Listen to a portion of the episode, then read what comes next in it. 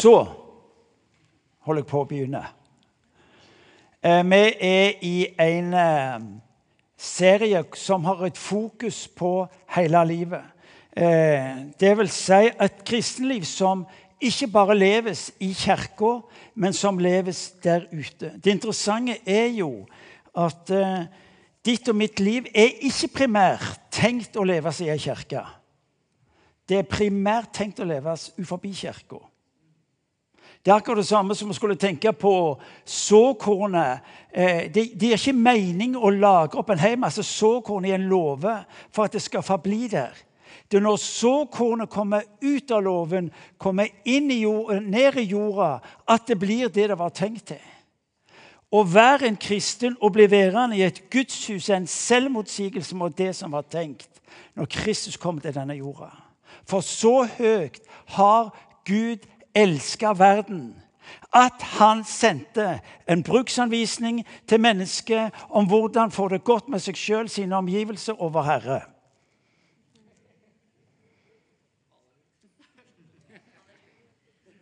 Det er ikke grunn til å si halleluja, nei. Han kom sjøl. Han kom sjøl. Og En dag så sier han til de som hadde hengt med i tre år Hør, nå er tida inne til at dere slutter å henge med meg for å erfare et gudsrike som har kommet inn i denne verden. Gå ut og begynn å henge med mennesker, og dere vil erfare et gudsrike på en måte som sprenger alle rammer av det dere tenkte var mulig. For hvis du og meg tror at det er du som går ut og møter mennesker med de gode nyheter, så tar du feil. Fordi han er der allerede. Han trenger bare deg og meg til å gjøre det forståelig for de menneskene som han holder på å berøre. Det er veldig godt sagt.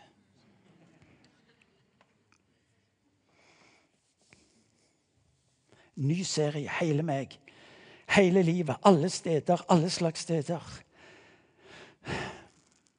Det vi skal fokusere litt på i dag, det er at din forståelse av de menneskene, de plassene som du kommer til, er avhengige av hvor du selv, hvordan du sjøl ser på ditt eget liv. Eh, for din måte å vurdere mennesker, din måte å vurdere plassene, det har egentlig ikke sin bunn i virkeligheten. Fordi du og meg ser ikke det vi ser, men du og meg ser det som du og meg er. En gang til. Du vil aldri se en situasjon som den er. Du ser den som du er. Og Det betyr at når du opplever ting, så sier du ja, sånn er det. Nei, det er det ikke. Det kan være, men i de fleste tilfeller ikke. En elefant ser ut som den ser ut. Ja, Det spørs hvordan du står i forhold til elefanten. Det er et godt ord, det òg. Hvis du står bak elefanten og skal beskrive det du ser, så vil jeg si den snabelen, den er liten. Men står du foran elefanten og skal beskrive snabelen, så skal jeg fortelle deg den er betydelig mye større enn det du trodde.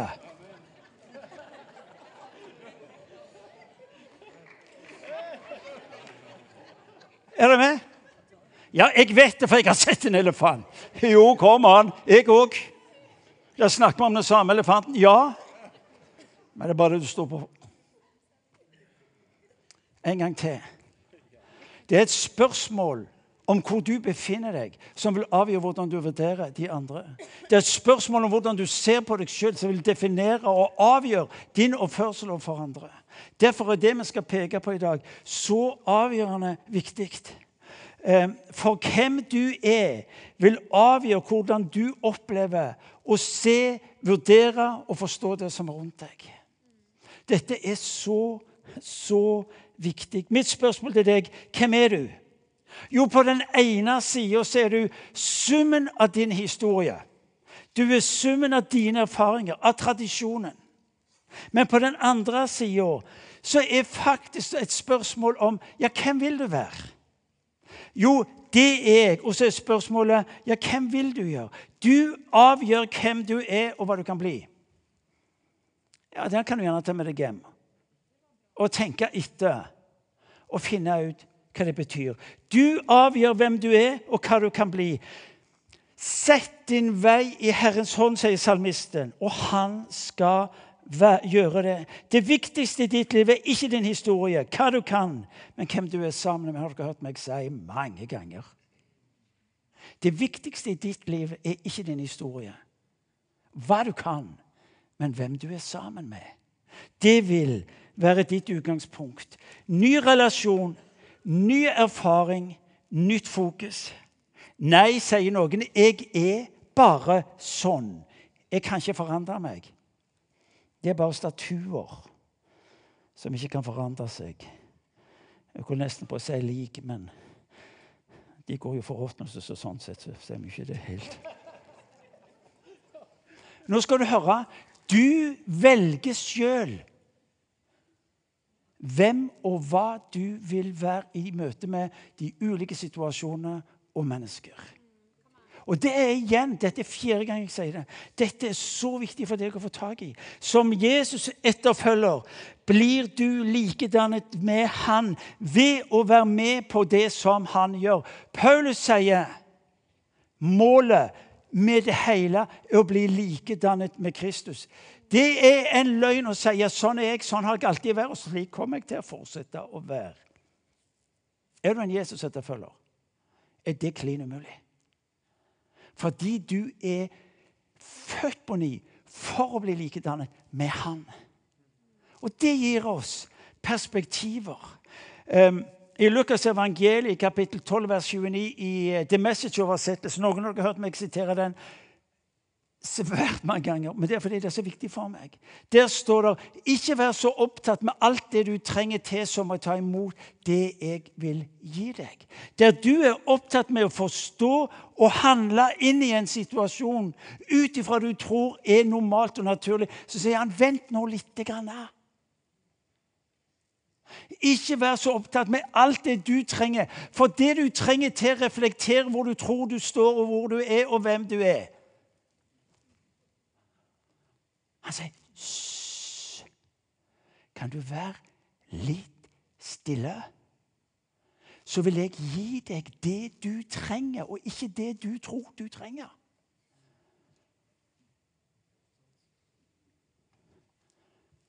Ja, det er helt sant. Det står i Romerbrevet kapittel 12, vers 1 i den samme oversettelsen.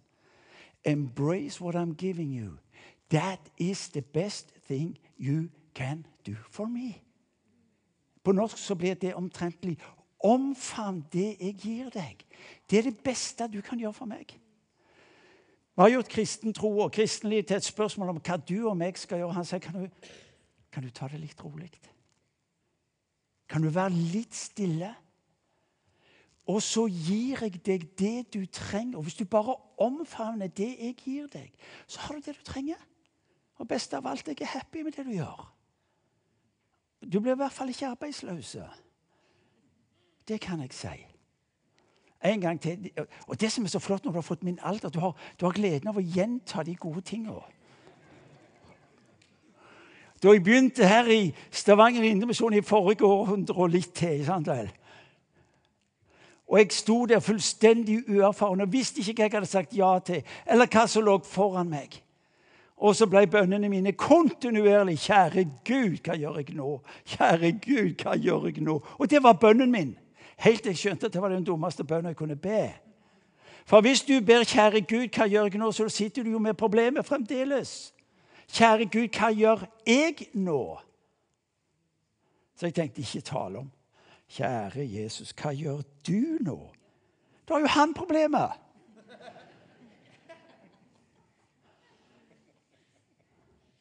En gang til. Kjære Jesus, hva gjør du? Så venter du bare. Ja, kan det bli lenge? Ja, det kan bli lenge òg. Det kan bli gyselig fort òg. Men han tar deg inn i en måte å tenke på som gjør at det handler ikke om deg, men om han. Hvis du og vi skal få leve livet, hele livet som Bibelen har tenkt for oss, ja, så tar han oss inn i det som er av han. Uansett livssituasjon.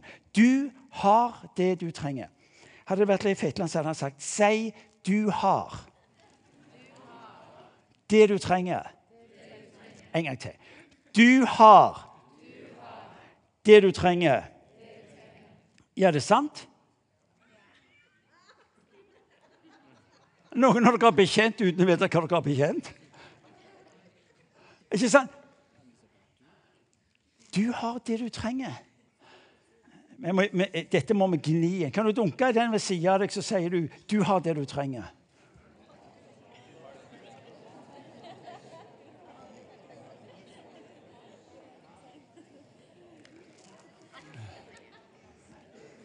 Og så Du må si en ting til. Du sier, dunker han som sitter ved siden av deg, så sier du 'Jeg har det jeg trenger'. En gang til. 'Jeg har det jeg trenger'.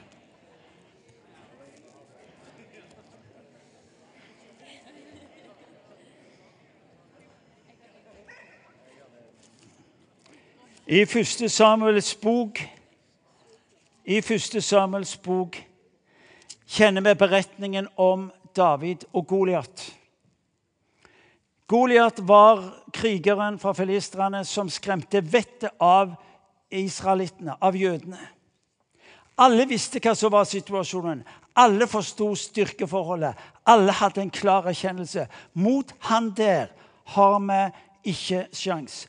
Så kommer denne ungdommen, tenåringen David, inn på scenen, hører hva som er situasjonen, så sier han 'No problem, jeg tar han, jeg'. Brødrene avviser han, hans eldre brødre. Og kongen prøver å gi han det han tror han trenger til sin rustning. Og det er jo helt kaos, for han passer jo ikke den rustningen. Hør nå, Når Gud sender deg inn i noe, så sender han med deg med det han har gitt deg. Ikke begynn å kopiere andre. Så David han sier 'jeg tar han'.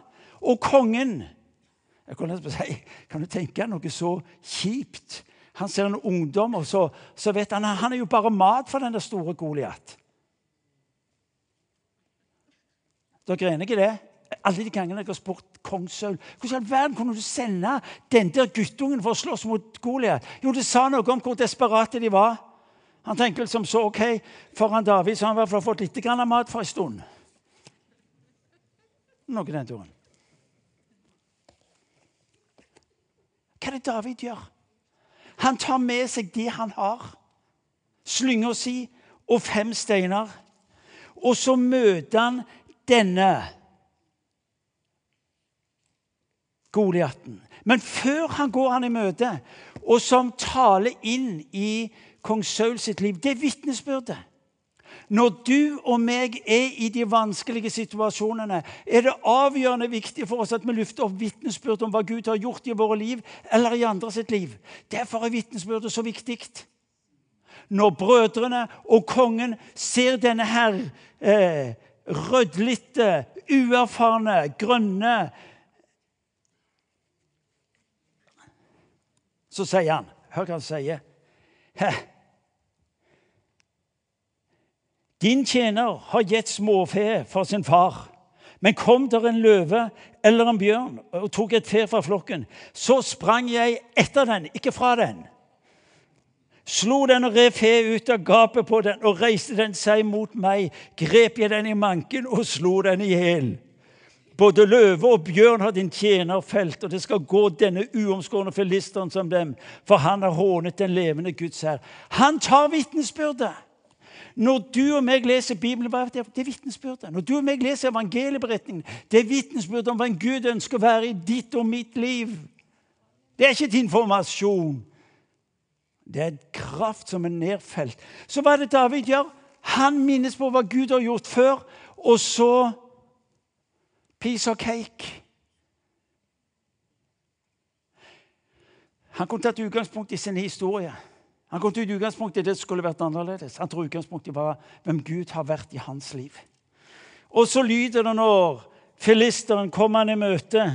Og så sier han, 'Kom hit ut med meg, sa han, så skal jeg gi kjøttet ditt til fuglene under himmelen og dyrene på marken.' Det er Goliats bekjennelse på David. Og David svarte, 'Du kommer mot meg med sverd, spyd og sabel, men jeg kommer mot deg i navnet til Herren over herskernes, Han som er Gud for hele Israels hær, Han som du har hånet i dag, vil Herren gi deg i min hånd.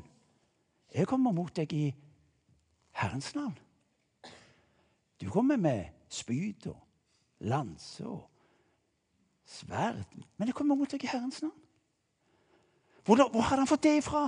Han hadde vært sammen med han lenge nok til å våge å tro på han, og i møte med de vanskelige situasjonene Det er vanskelig hvis du får en bjørn imot deg. Jeg må jo si det. Og ei løve Det er en guttunge vi snakker om. Han sprang ikke fra den, det står at han sprang mot den. Fascinerende. Du har det du trenger. I Herrens navn, sier han. I Herrens navn.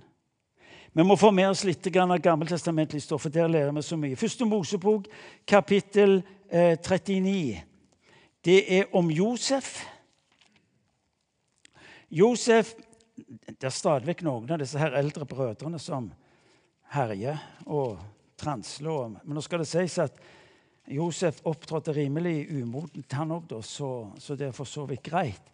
Men det gikk så langt at han klarte å hisse på seg sine eldre brødre. Og de kommer så langt i sin aggresjon mot faren og mot Josef. Du leser om dette i kapittel 39 i første Mosebok. Så står det at de bestemmer seg for én dag, så skal de ta livet av ham. Men de yngste broren der igjen, altså nest yngste bror, sier nei, nei, nei, nei, kan vi ikke Vi selger han heller.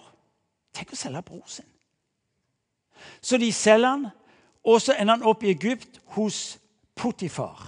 Og det er mye godt eh, veiledningsstoff der, eh, Anne Lunde. Det var ikke lite med sår og ting som hadde skjedd, og som man burde godt ha fått bearbeidet. Jeg er enig i det. Men det interessante vi leser om Josef, det er at han lar ikke livet sitt defineres ut ifra omstendighetene. Og så står det om han, uhyre interessant, det står at Herren var med Josef og lot han lykkes. Han ble boende i huset til sin egyptiske herre. Herren hans så at Herren var med ham og lot ham lykkes i alt han gjorde. Altså det vil si Herren Potifar så at Herren var med Josef og lot han lykkes. Det vil si at omgivelsene til Josef forsto at det var en dimensjon, en kraft, i Josef sitt liv som var av en annen karakter. For det var noe som fulgte han, som hadde betydning og konsekvenser. Josef vant velvilje hos herren sin og ble hans tjener. Potifar satte ham til å styre sitt hus og lot ham ta hånd over alt han eide. Og fra den tid Egypteren satte ham over sitt hus og alt han eide, eide velsignet Herren hans hus på grunn av Josef. Herrens velsignelse eh, hvilte over alt han eide, både i huset og på marken. Han lot Josef ta hånd om alt han eide, og bekymret seg ikke for noe, bortsett fra maten han spiste. Ja, Det var det vel grunn til. Herrens velsignelse hvilte over hvem? Ikke Josef, men Potifar. Kan du se for deg? Du går inn hos hedningen eller gudsfornekteren eller en sjef eller hvem det måtte være, og så er du der, og så står det Herrens velsignelse over deg, og på grunn av deg vil Han velsigne hele hans hus.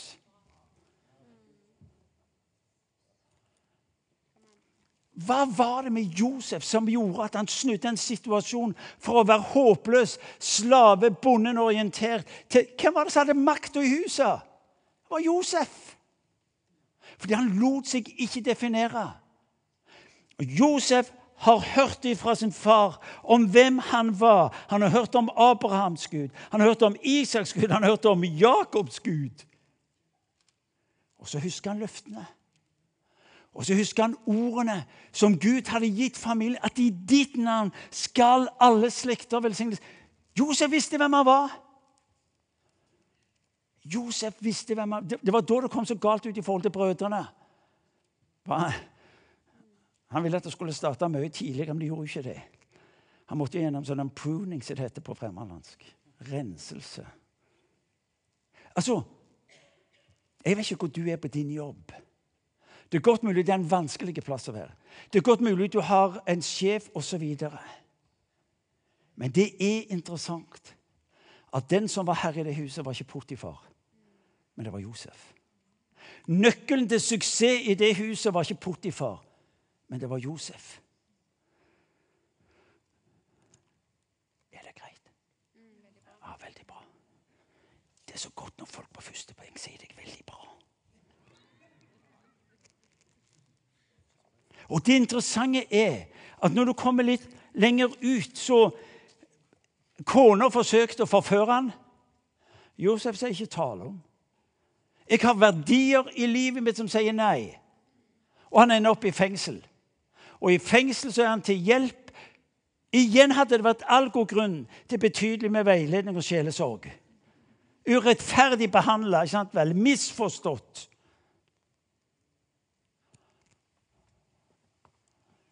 Han snur situasjonen Hva sier Gud, hva er det du gjør? Når jeg er ikke en sånn som kan tyde drømmer sammen, men min far i himmelen, han har gitt meg å se og forstå. Han henter ut fra det usynlige, inn i det synlige. Og så begynner ryktet å gå, og så er det nød i landet, og så sier farao Og så sender de bud på Josef, og så sier farao Finnes det en mann som denne, altså Josef, en som har Guds, hånd i, Guds ånd i seg? Så sa farao til Josef, siden Gud har latt deg få vite alt dette, er det ingen er det ingen så forstandig og vis som du. Det kunne vært, kunne vært greit å bli oppfattet som forstandig og vis. Fordi du tok inn det Gud hadde for deg. Ja. Det står en gang at han brukte et esel. Nei, vi må jobbe videre. Hva er dine omgivelser? Jeg hadde et punkt til, men jeg kan ikke holde på så lenge. Men det er også et gyselig godt punkt, så kanskje jeg tar det en annen gang. Hva er din verden? Hvordan ser du på dine omgivelser? Sagt, hvem er Goliaten i ditt hus? Hva slags vanskelig situasjon er det du lever i, og som gjør at du helst har lyst til å slutte på jobben? Tenk, på, tenk tanken. Hvordan ser Gud på din situasjon? På jobben, på skolen, familien? Én ting er de trivelige, men hva med de vemmelige på jobben? Jesajas kapittel 51, vers 5, der står det Løft øynene til himmelen og se så på jorden her nede. Hvorfor er det så viktig for oss å løfte øynene til himmelen? Jo, fordi at når du løfter øynene til himmelen, så ser du med himmelske øyne på det som er din situasjon. Og det ser annerledes ut. Er dine problemer av en sånn karakter at himmelen vil si Beklager, Martin. Dette er for svart for meg. Jeg, jeg fikser ikke det, altså. Prøv noe annet, eller prøv en annen. Det er jo ikke det. Han sier, 'Løft øynene til himmelen' slik at du ser som jeg ser. Slik at du ser kollegaene dine som jeg ser. Slik at du ser omgivelsene dine som jeg ser dem. Hva er det Jesus sier i Johannes evangeliet kapittel 5? Han sier sønnen gjør ingenting uten at han ser far. Så Jesus så det samme som far. Han gjorde det samme som far. Og han sier til deg og meg gjør det samme. Blir det smell på det? Det står at han var ute hver morgen som barn. Var i bønn. Hva det var i verden er du Trengte du å be? Nei, Det kan godt være at han trengte å bli, få justert fokuset, for det var så mange som ville ha tak i han.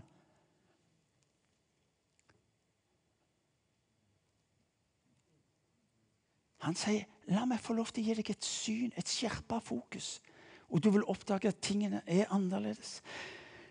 For hva er det som skjer? Når, når han gir deg å se som han ser, så ser du menneskene rundt deg annerledes. Og vet du hva? Tro det eller ei, han elsker de rundt deg like mye som han elsker deg. Uansett hvem du ser. Den mest vemmelige på jobben, det mest motbydelige du vet, mennesket du vet om. Han elsker det mennesket like mye som deg. Ja, Det hadde du ikke trodd. Når du er i ferd med å lyse eder og galde over en eller annen, så bare husk han du holder på når skal lyse eder galt over, han er en som Jesus elsker ubegripelig mye. Det er noe der. Jesus elsker de like mye som deg, som meg, som biskopen. Ja, som paven. Hør nå. Jesus dør for mennesker fordi han elsker mennesker. Du får ikke en ny verdi fordi at Jesus dør for deg. Han dør for deg fordi du har verdi. Leif Hetland-sitat, og det er så gruelig godt sagt. Ja. ja, men det betyr jo at det jeg tar inn ifra Guds ord, hjelper meg til å se menneskene annerledes, som han gjør. Ja, det har store konsekvenser for hvordan du opptrer for omgivelsene. Du har verdi, derfor dør han for deg og for meg. Kristendommen er budskapet om en Gud som ser etter sin bortkomne sønn. Hvordan verden, kan denne verden tro at Gud er etter å ta dem? Helt ubegripelig. Kanskje forklaringen at det var det de møtte hos oss. Fordi vi hadde valgt et ståsted, et forståelse av at folk trodde at nå får, nå får jeg kritikken, nå får jeg kjeften, nå får jeg dommen, nå får jeg fordømmelsen. Og så ble livet som det ble for så mange. De sa jeg orker ikke. Kan du tenke deg det uhyggelige at en gang fordi en kvinne fikk et barn utenom ekteskapet, så fikk ikke barnet og hun bli begravd på såkalt vigsla jord. Og det sitter dypt i den norske folkesjel. Hvordan du ble diskvalifisert fordi du ikke fiksa livet. Kristendom er budskapet om en Gud som ser etter sine bortkomne. Jesus har er kommet. Jeg har kommet for å lete opp de fortapte får av Jesus. Derfor står jeg her. Fordi at jeg våger å tro at det gjelder meg òg.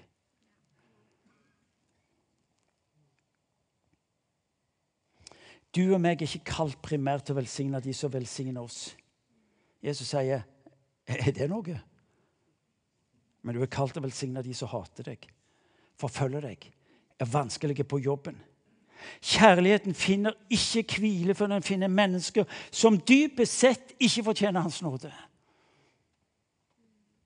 Kjærligheten finner ikke hvile før den dypest sett får lov til å berøre de som ikke fortjener nåden. Se på kollegaene dine, se på familiemedlemmer, se på naboene. Jeg tok opp kollekter til, tok opp en kollekt Ja. Jeg var så på nærbe. Klokka gikk ysla fort.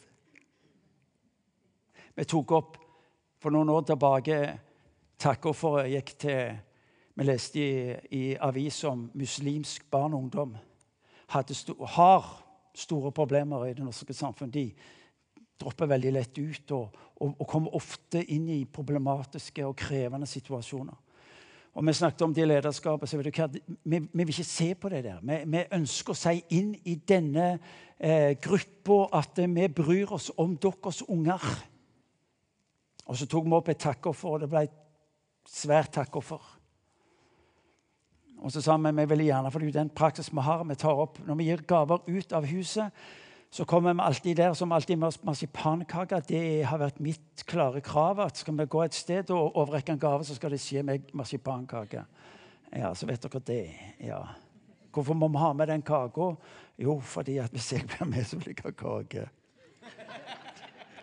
Og folk tror jo, for det vi sier, det kan vi få lov til å høre om arbeidet dere driver, og så, og så, og så, fordi vi syns det er så spennende og så viktig. Så det er samme til disse imamene òg Og lederen for Muslimsk råd.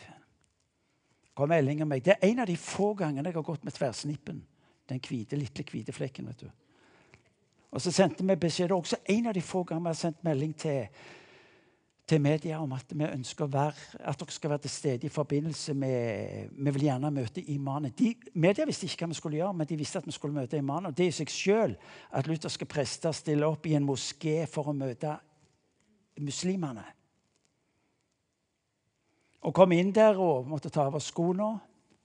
Første gang meg og Ellingsen hadde vært i en moské, var det ikke det? Jeg tror det. Og kom inn og ble servert pulverkaffe og mariakjeks. Og jeg tenkte ja, det er bra. Så vi kom inn med kake, og så sier vi jeg vil gjerne få lov til å bare fortelle dere at vi har hørt, vi har lest om at ungene deres har problemer med vi syns det er vanskelig. Vi vil ikke det skal være sånn. Vi vil at unger som kommer til Norge, skal kjenne at det er en god plass å være, at det er en trygg plass å vokse opp. Og vi vil gjerne bare få lov til å si til dere vi ber om at dere skal lykkes. Så vi tok med oss ei kake og tenkte at det kunne være godt. Svær kake. Nok til 20 stykker, men det passet jo for oss.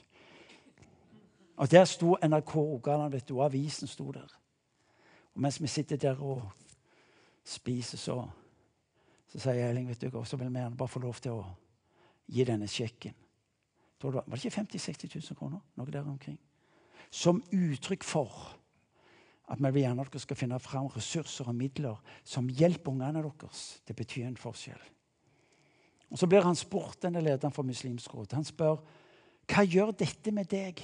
Og så sier han kaka var god. Det å få disse pengene, det blir en viktig ressurs for oss. Men det som gjør inntrykk, sa han, det er å møte et hjerte som bryr seg om våre unger. Folkens, det er et faktum at det muslimske kommunitet de tror at vi hater dem. Og du og meg er kalt å nå dem med evangeliet.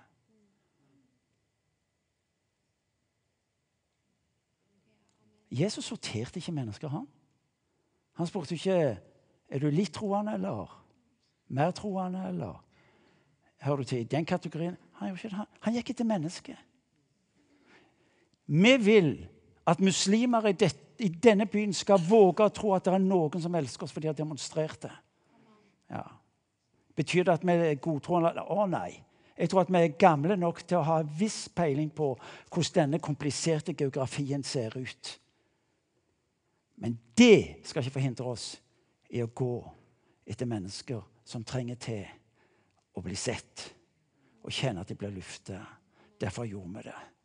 Hvordan ser du på dine omgivelser?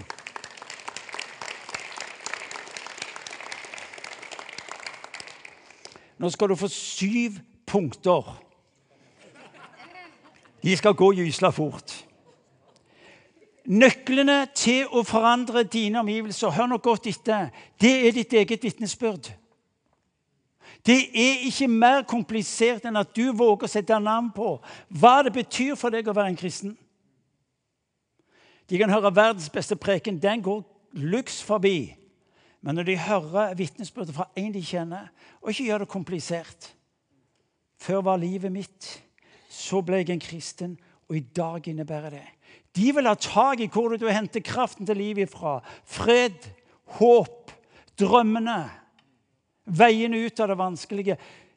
Nøkkel én er vitnesbyrdet ditt.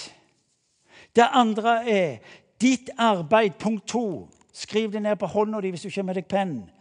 Ditt andre punkt er ditt arbeid er din gudstjeneste. Der er du åtte timer hver dag, fem dager i uka. Det der er et spørsmål om fromheten tåler Nei, det var ikke et poeng. Men du må se på ditt arbeid som din gudstjeneste. Ja, hva betyr det, Jesus? Du er her. Jeg er her. Det betyr at du og meg sammen Det var en som sa det slik at med Jesus er alt mulig. Du kommer inn på kontoret så sier du, 'Jesus, med deg er alt mulig her'. Og så skal du få lov til å be denne verdens enkleste bønn. What would Jesus do? Jesus, hva gjør du her? Hva gjør du her?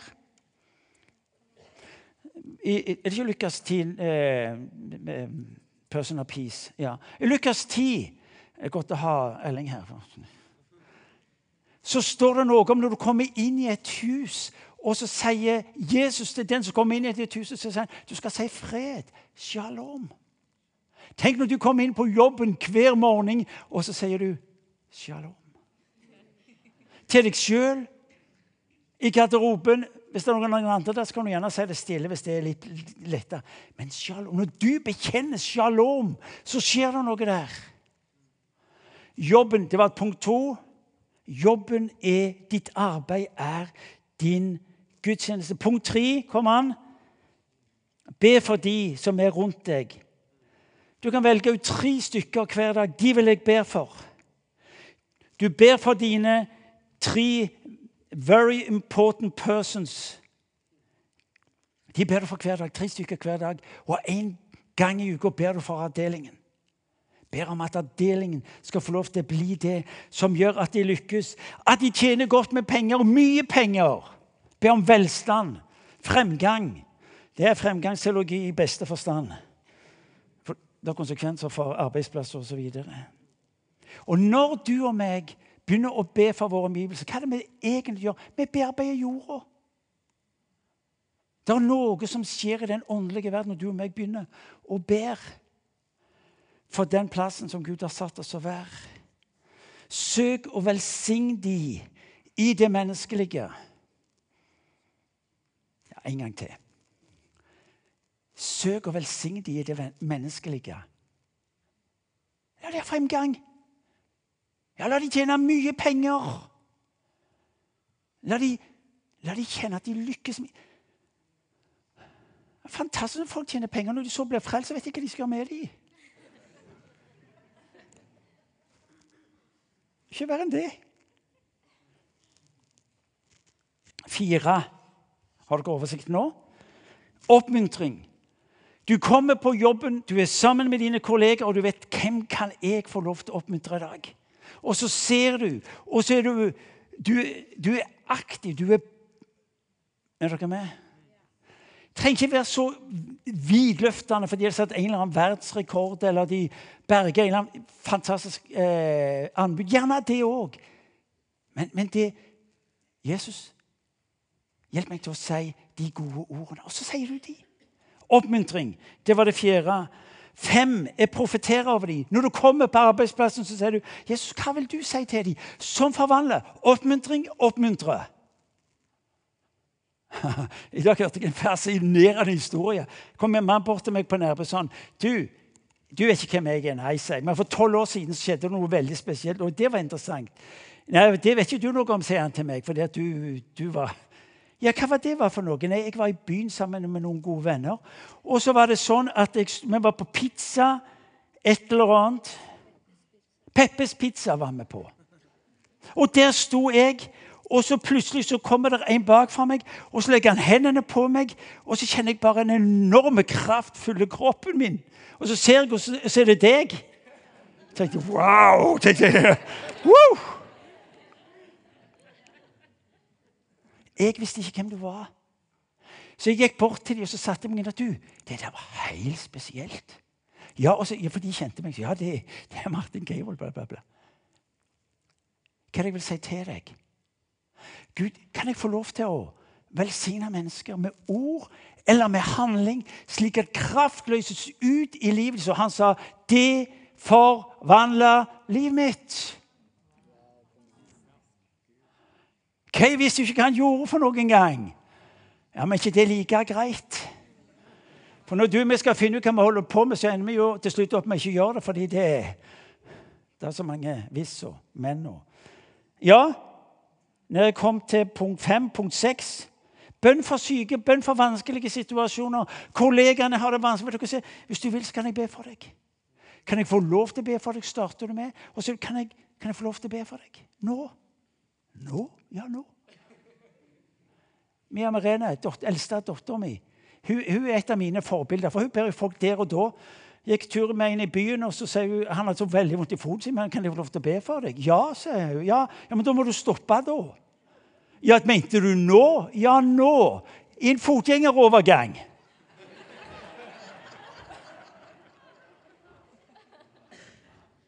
Du trenger ikke orgelmusikk for at det skal funke. Til slutt, punkt syv. Husker dere alle punktene nå? Ærlig talt. Hei, Øyvind. Altså ja, Da har vi en avtale. Dere går inn på IMI, ser på videoopptaket fra den gudstjenesten, og så spoler du fram helt til slutten. Så får du de punktene med. Godt tips. Hvis det andre var noe å høre på, så er det greit å høre alt to ganger. for da, da sitter det. Finn de andre på jobben, og du vil se at dere kan bety en forskjell. Jeg vil dere skal møte ei fascinerende rødhåra trønder som imponerer meg fordi at uh, hun er en av disse her. Kristin, hvor langt bak sitter du? Vi må gi henne en skikkelig klapp.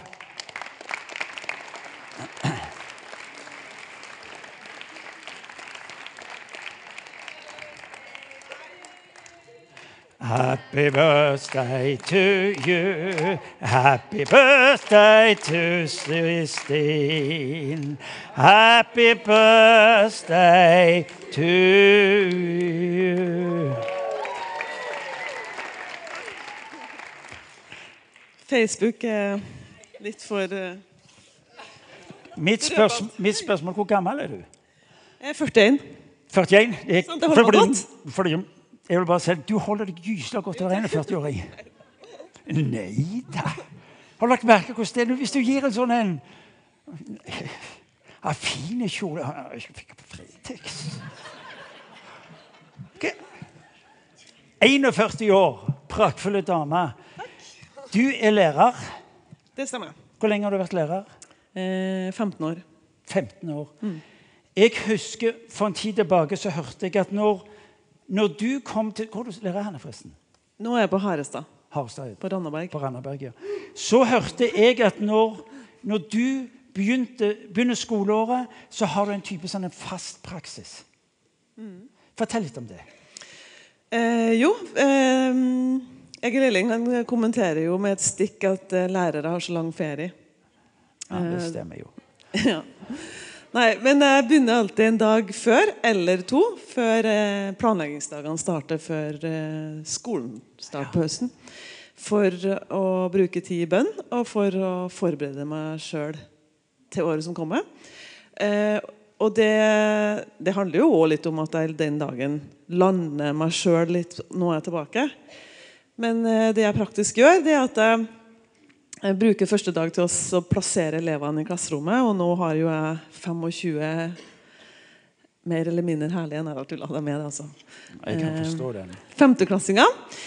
Så har jeg lagt ut lapper og plassert eh, hvor de skal sitte. Så setter jeg meg på hver enkelt stol og ber for én og én. For familie, og for at de skal lykkes i år, at jeg skal se dem sånn som Gud ser dem. Og så hvis jeg en, en, en, gang til. Så det du gjør, du setter deg i stolen til den eleven, og så ber du for eleven og familien at det skal gå godt.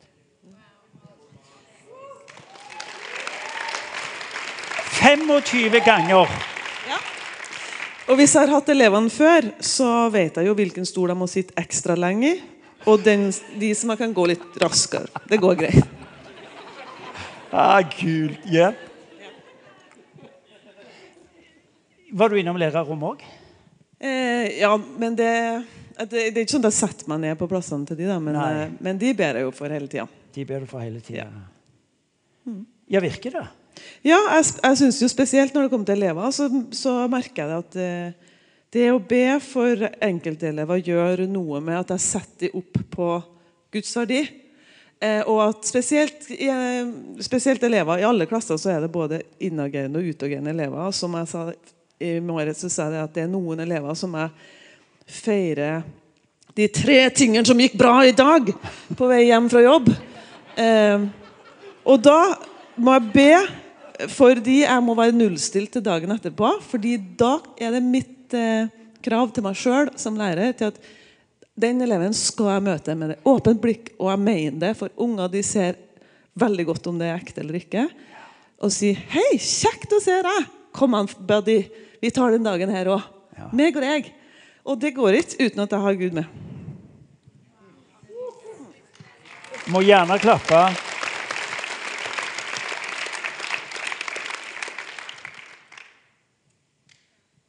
Jeg syns det er sterkt. Jeg. Det er derfor vi trenger kristne lærere i den offentlige skolen òg. Ja. Ikke sant? ja, det er sant. Jo. En ting til du ville si. Hva var det?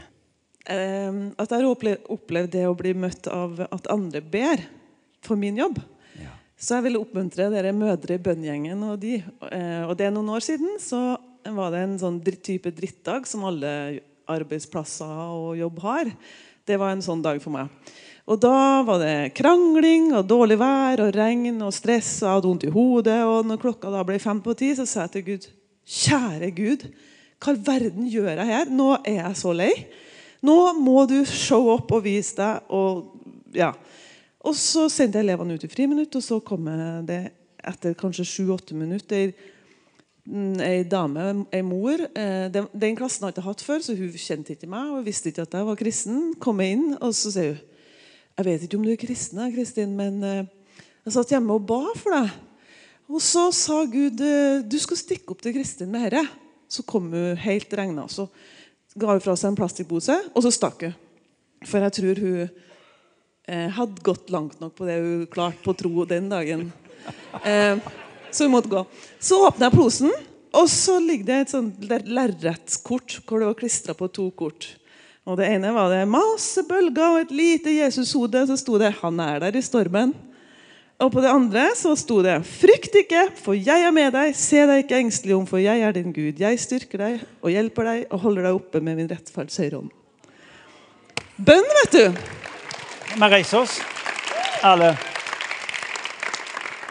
Nei, du må ikke gå ned. Du, å nei, du er ikke ferdig. Eh, kan du være med og be litt? Good. Eh, det er godt mulig at noen av dere skulle starta litt tidligere på jobb. Bare gå fra kontorplass til kontorplass. Og kanskje bli værende ekstra lenge på de kontorplassene hvor du vet at her sitter det en.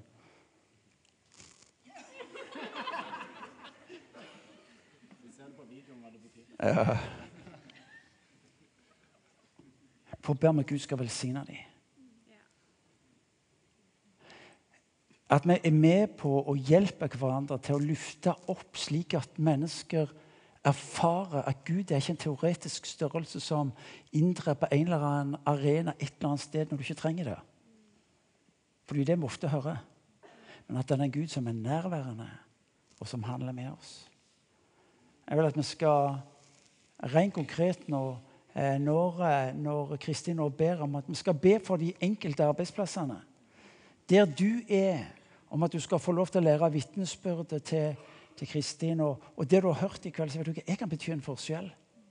Jeg kan gjøre denne her arbeidsplassen til et sted som er velsigna på en slik en måte at folk begynner å stille nye spørsmål. Uh, at du kan få lov til å få mot til å våge å være den Gud kaller deg til å være, en velsignelse for omgivelsene. Så Kristin, kan ikke du be?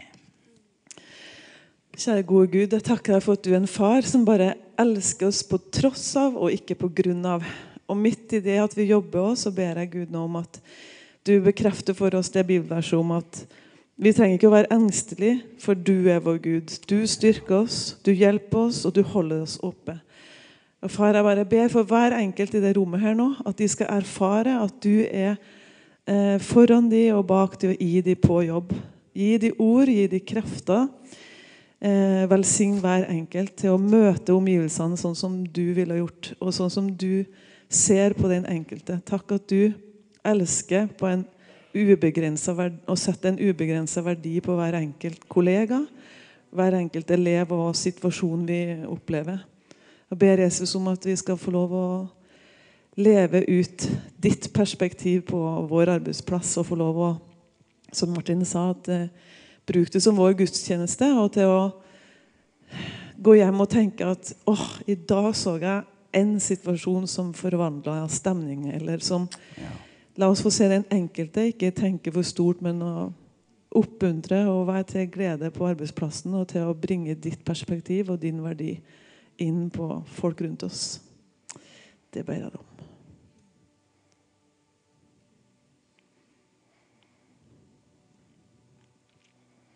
Jeg tror, Det er klart jeg tror. Gud ønsker å ta oss ut i det og inn i det. Så Herre Jesus Kristus, vi bare ber om ditt nærvær. Far, jeg ber også om de iblant oss som har en, satt en verdi på seg sjøl ut ifra hva omstendighetene, tradisjonene, historien hadde påført. Far, jeg ber at du skal forløse hos den enkelte av oss og se oss sjøl som du ser oss.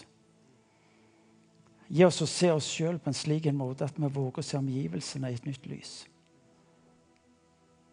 Far, vil du eh, rive ned den løgnen som, som, ofte fikk styre oss med å fortelle oss hva de andre tenkte om oss, hvordan situasjonene var osv. Ved at du viser oss hvem vi er som sønn og datter av deg.